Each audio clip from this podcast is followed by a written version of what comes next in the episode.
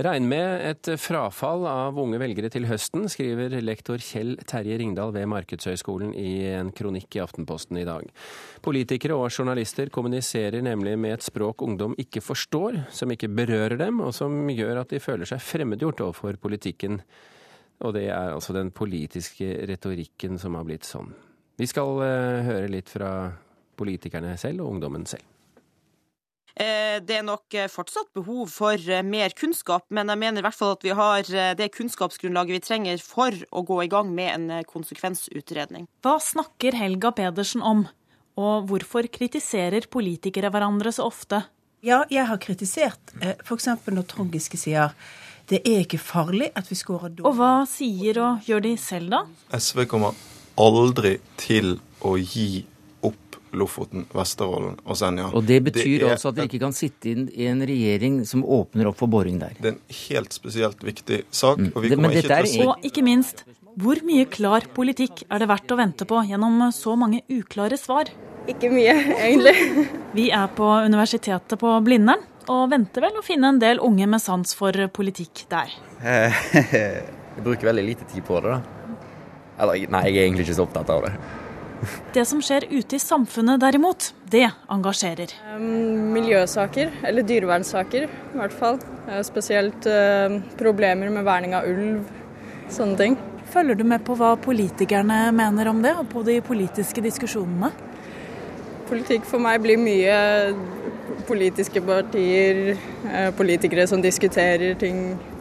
Ja, det er vel mye mer i det begrepet, men ikke så mye som jeg er interessert i, egentlig. For meg er det viktig med tilflytning til små steder, og at små steder også får mye støtte. Sånn som f.eks. vi gjør i Sogndal, der jeg bor.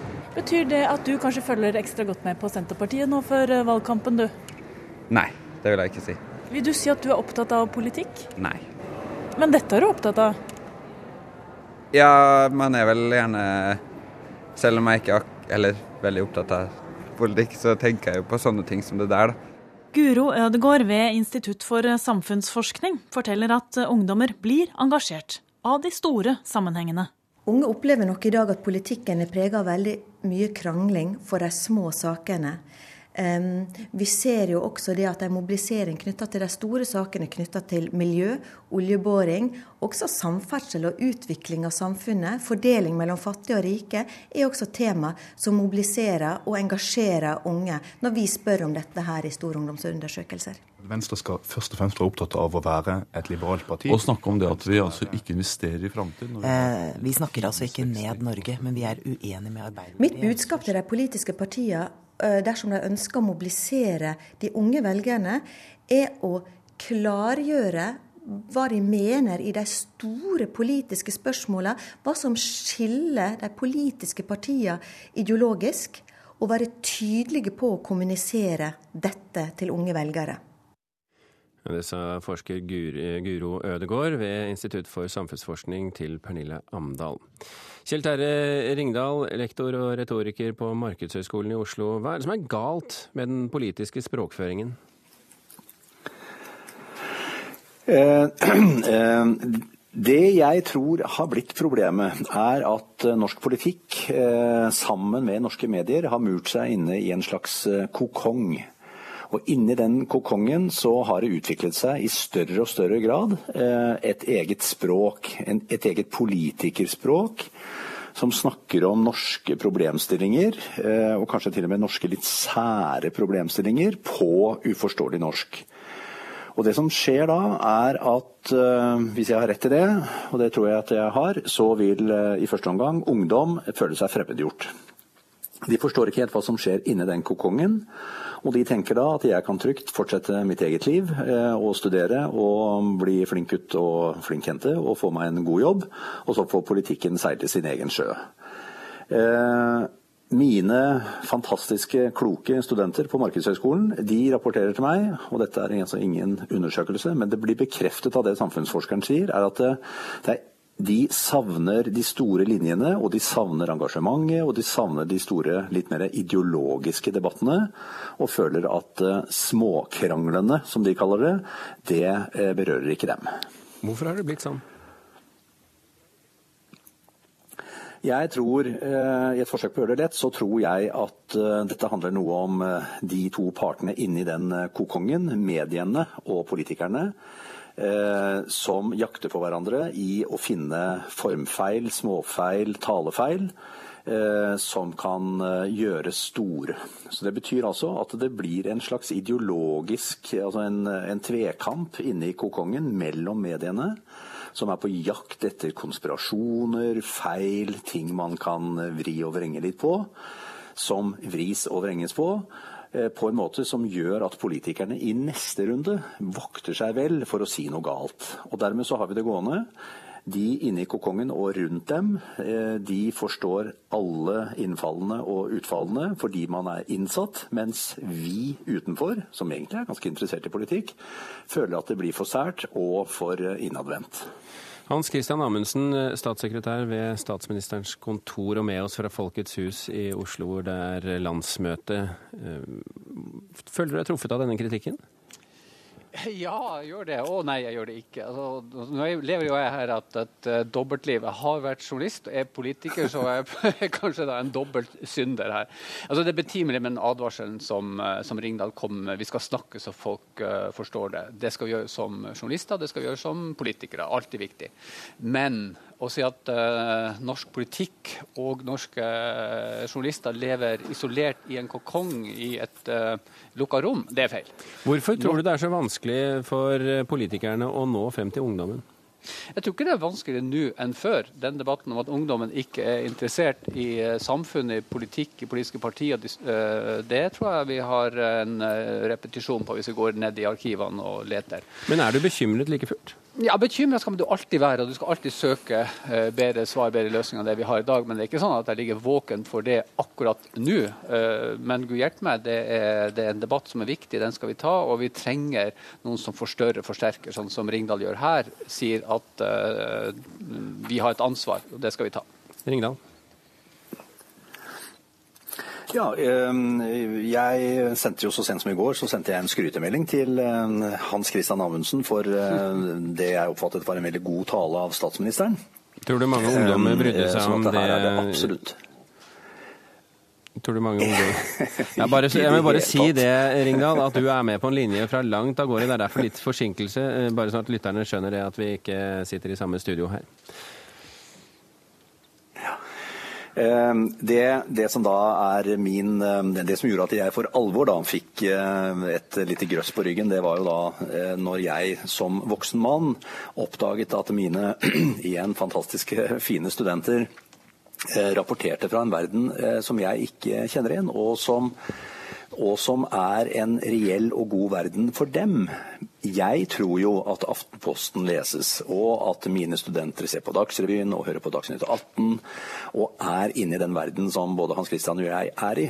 Og når jeg da så massivt møter eh, 22-åringer som sier at nei, jeg har ikke lest Aftenposten, jeg ser aldeles ikke på Dagsrevyen, jeg scroller meg gjennom VG Nett, så forstår jeg, det er da jeg begynner å forstå at voksensamfunnet lever sitt eget liv, og inni det voksensamfunnet så har vi også en, et, eh, si, et, politisk miljø som også holder på med sitt. Åshild eh, Mathisen, altså kommentator i Vårt Land. Uh, unnskyld, vi er på litt uh, på usynkront her, Ringdal, igjen. Men Åshild uh, Mathisen, kommentator i Vårt Land, og en av dem man kan mistenke for å være inne i denne boblen det snakkes om her, eller kokongen. Føler du deg truffet av kritikken? Ja, altså eh, eh, Ringdal peker definitivt på et viktig poeng. Eh, for å menneskeliggjøre disse politikerne og journalistene litt, da, så tror jeg det handler litt om å befinne seg i en slags trygghetssone. Fordi at det som politikere og journalister slåss mot, er jo ekspertveldet og teknokratiet. Det øyeblikket du går over i ut av det rasjonelle språket, ut av det nyanserte, så er du på veldig farlig grunn. Altså, La oss se på sånn som Sandra Borch, politiker som snakker rett fra levra. Det er krevende. Da har du på en måte hele gjengen etter deg. Eh, så det å gå over i det på en måte følelsesspråket som kommuniserer og som treffer, det er krevende. Fordi at eh, da har du på en måte interesseorganisasjoner og, og lobbyister og fagfolk, eh, forskere og andre politikere som kan ta deg på detaljene. Og derfor blir jo på en måte Politikerne sitter jo og snakker innenfor et sånt trygghetsspråk, der de vet at de er innafor. Og når du på en måte går ut av det, så er du mye mer sårbar. Så det er litt feige, med andre ord? Eh, ja, litt feig. Og så er det ganske menneskelig. Fordi at eh, altså, ungdommer de er jo den tause majoriteten. De blir jo bare Ja vel, det her snakker ikke til meg. Mens, mens, hvis du på en måte utfordrer og har et språk som da gjør at forskere reagerer, eller fagfolk eller andre, de gir jo lyd fra seg. Men hva med deg helt... som journalist, da? Eh, ja, altså vi er jo selvfølgelig hele tida inne i den samme Altså jeg tenker jo at vi, det er helt riktig, det blir et stammespråk, for det blir en dialog. Nå jobber jo jeg mest som kommentator, men det er klart, eh, det språket som kommentatorer, journalister og politikere har, vi er jo på en måte inne i en slags sånn eh, dialog hele tida. Og det å på en måte stoppe opp og tenke ja, men hvem er det jeg skal bli lest av? Eh, fordi at nettopp de som reagerer og responderer, er jo på en måte inni den samme bobla.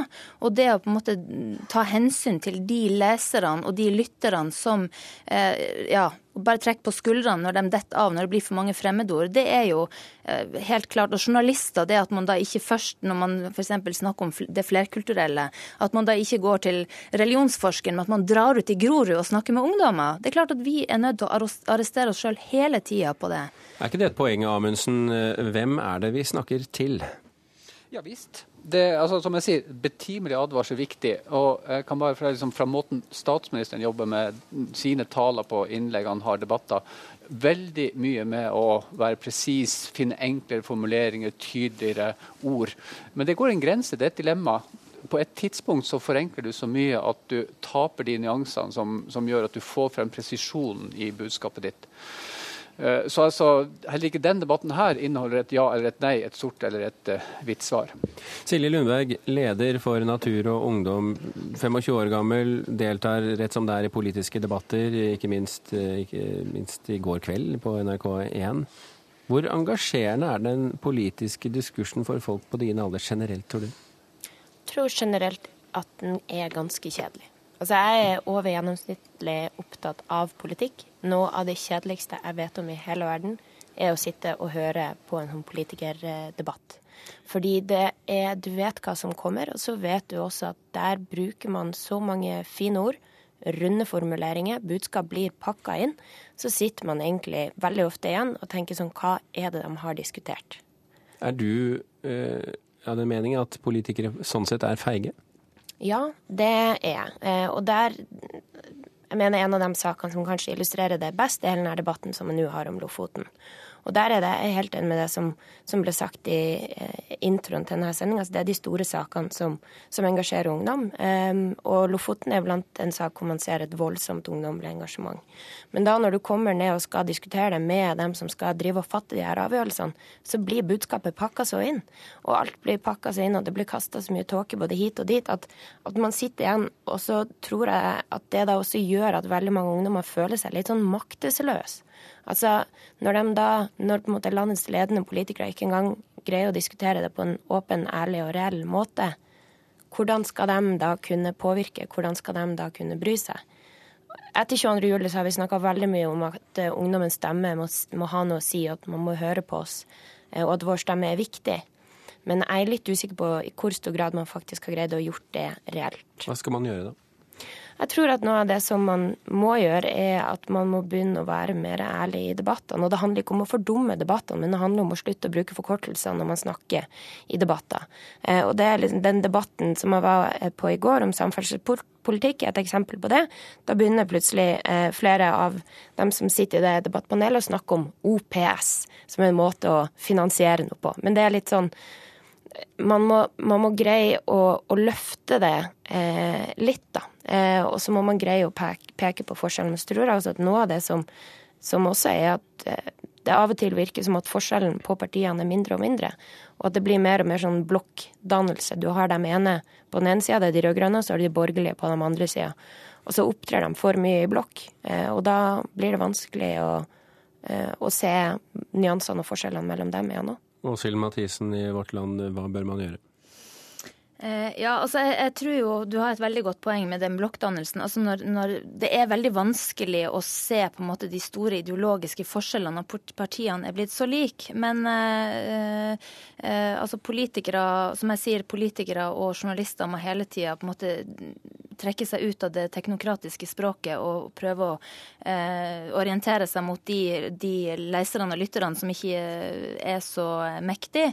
Men, men jeg spiller også en ball over til skole og foreldre som er på en måte nødt til å forklare litt eh, hva som skjer. For vi, det er vanskelig å stoppe opp i enhver diskurs og forklare og gi bakgrunn. Eh, så foreldre og skole har òg et ansvar. Amundsen, eh, hva kan politikerne gjøre for å nå frem til folk som ikke nødvendigvis er interessert i politiske spillet, men i politiske saker? Altså, jeg har mer tillit til uh, skal si, uh, folkvelgere enn vi kanskje får inntrykk av i denne debatten her, at vi har journalister og politikere. Når det kommer til valg, når det er alvor og når det er store saker, så er folk interessert, helt ærlig. Men det kjedelige er også viktig. Det sa min sjef statsministeren mye om i går. Altså, vi lever i et land der mye går bra fordi vi har en politikk som virker, fordi vi får resultater som gjør at det ikke er nødvendig å ha sånne dramatiske diskusjoner og store konflikter som du har i Hellas og andre land akkurat uh, i dag. Så det at vi har det kjedelig og ikke har de spissa konflikter, det er også uttrykk for noe grunnleggende godt i det landet vårt. Det må vi ikke glemme. Og i forhold til Lofoten Vesterålen, som vi har vært innom her, der er det jo ikke et ja eller nei. Det finnes mange nyanser i den eh, diskusjonen som også må være med for at vi skal få en hel debatt, ikke bare en ja-nei-debatt. Kjell Terje Ringdal, du fikk det første ordet, du skal også få det siste. Hva, ja. hva tror du må gjøres for at eh, vi skal få et bedre eh, politikerspråk og journalistisk politisk språk? Dette har jo Dette har vært en klok debatt. Eh, mange kloke mennesker som snakker, eh, og når kloke mennesker snakker, så blir det ofte nyanser. Men hvis jeg da skal eh, skjære ting litt ut i papp Jeg savner ideologiske forskjeller. Jeg savner partier som forteller om forskjellen på oss og de andre. Jeg skulle ønske meg i større grad en eh, ideologisk debatt om de store spørsmålene som kan vekke i hvert fall førstegangsvelgernes interesser. Derfor koble på hjertet og ha med seg hodet.